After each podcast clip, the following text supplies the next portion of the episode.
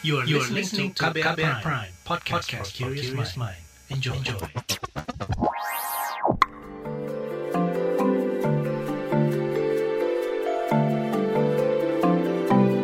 Saga, cerita tentang nama, peristiwa, dan fakta.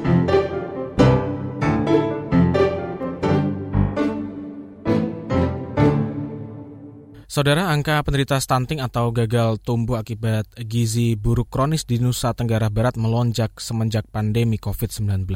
Jumlahnya menembus 115 ribu balita atau 23 persen dari total 500 ribu balita. Jurnalis KBR Zainuddin Syafari berbincang dengan keluarga penderita stunting dan otoritas tempat tentang kondisi penanganan stunting di masa pandemi.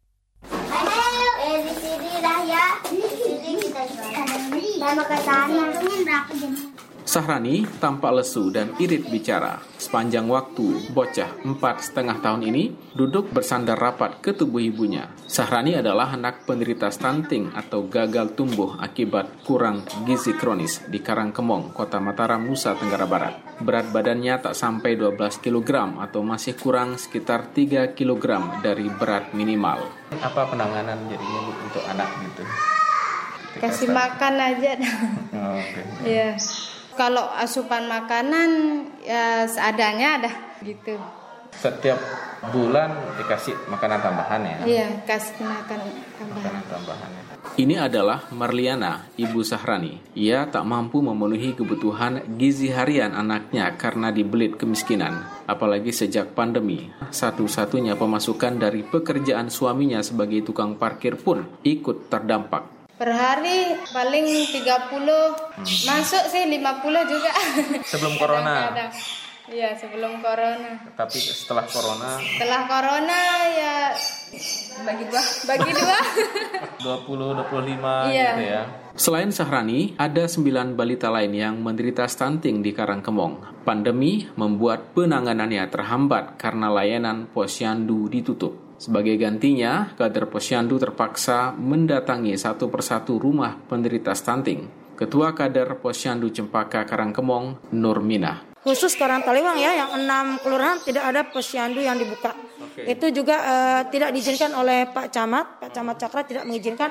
Kami door to door dari rumah ke rumah, mengukur berat badan anak, tinggi badan anak itu tetap. Kondisi tak jauh beda juga terjadi di Desa Sembung, Lombok Barat. Posyandu boleh buka, tapi secara terbatas. Sayangnya, tidak ada bantuan apa pun untuk balita penderita stunting, kata Sri Wahyuningsih. Anaknya punya kasus yang sama seperti Sahrani, berusia 4 tahun dengan berat hanya 11 kg. Posyandunya tetap, cuma memang dibatasin, tapi tetap sesuai jadwal pergi ke posyandu. Belum ada sih, belum ada perhatian khusus apa gitu. Cuman pemberitahuan aja dari kadernya anaknya stunting loh bu udah itu aja bantuan atau apa tidak ada Jumlah penderita stunting di Desa Sembung cukup tinggi yakni 75 orang dari 400-an balita yang dilayani. Rahun, salah satu kader posyandu setempat, mengakui pandemi membuat upaya penanganan menjadi terhambat. E, kalau kemarin kita ada e, pemberian makanan secara berayan sebelum corona ini.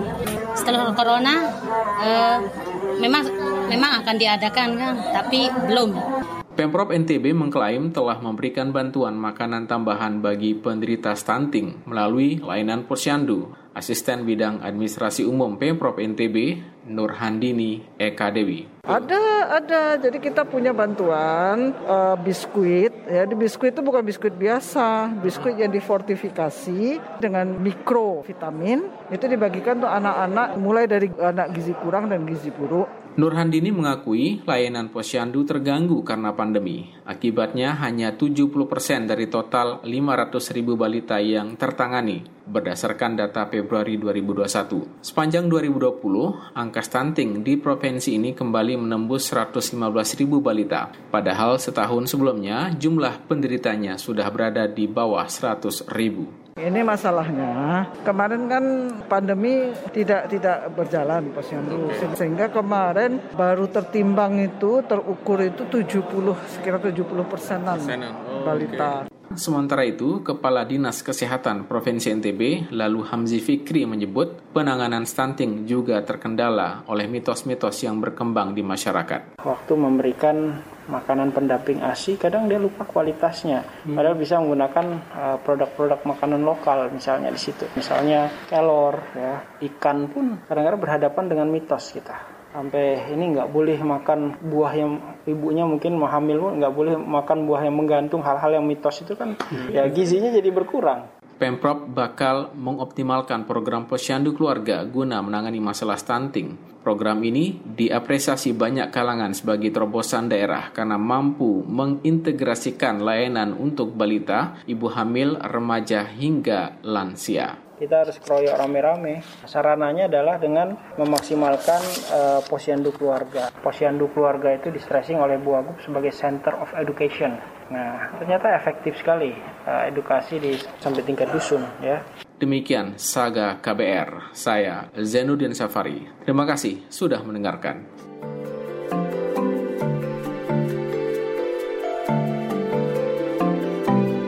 Saga, cerita tentang nama, peristiwa, dan fakta.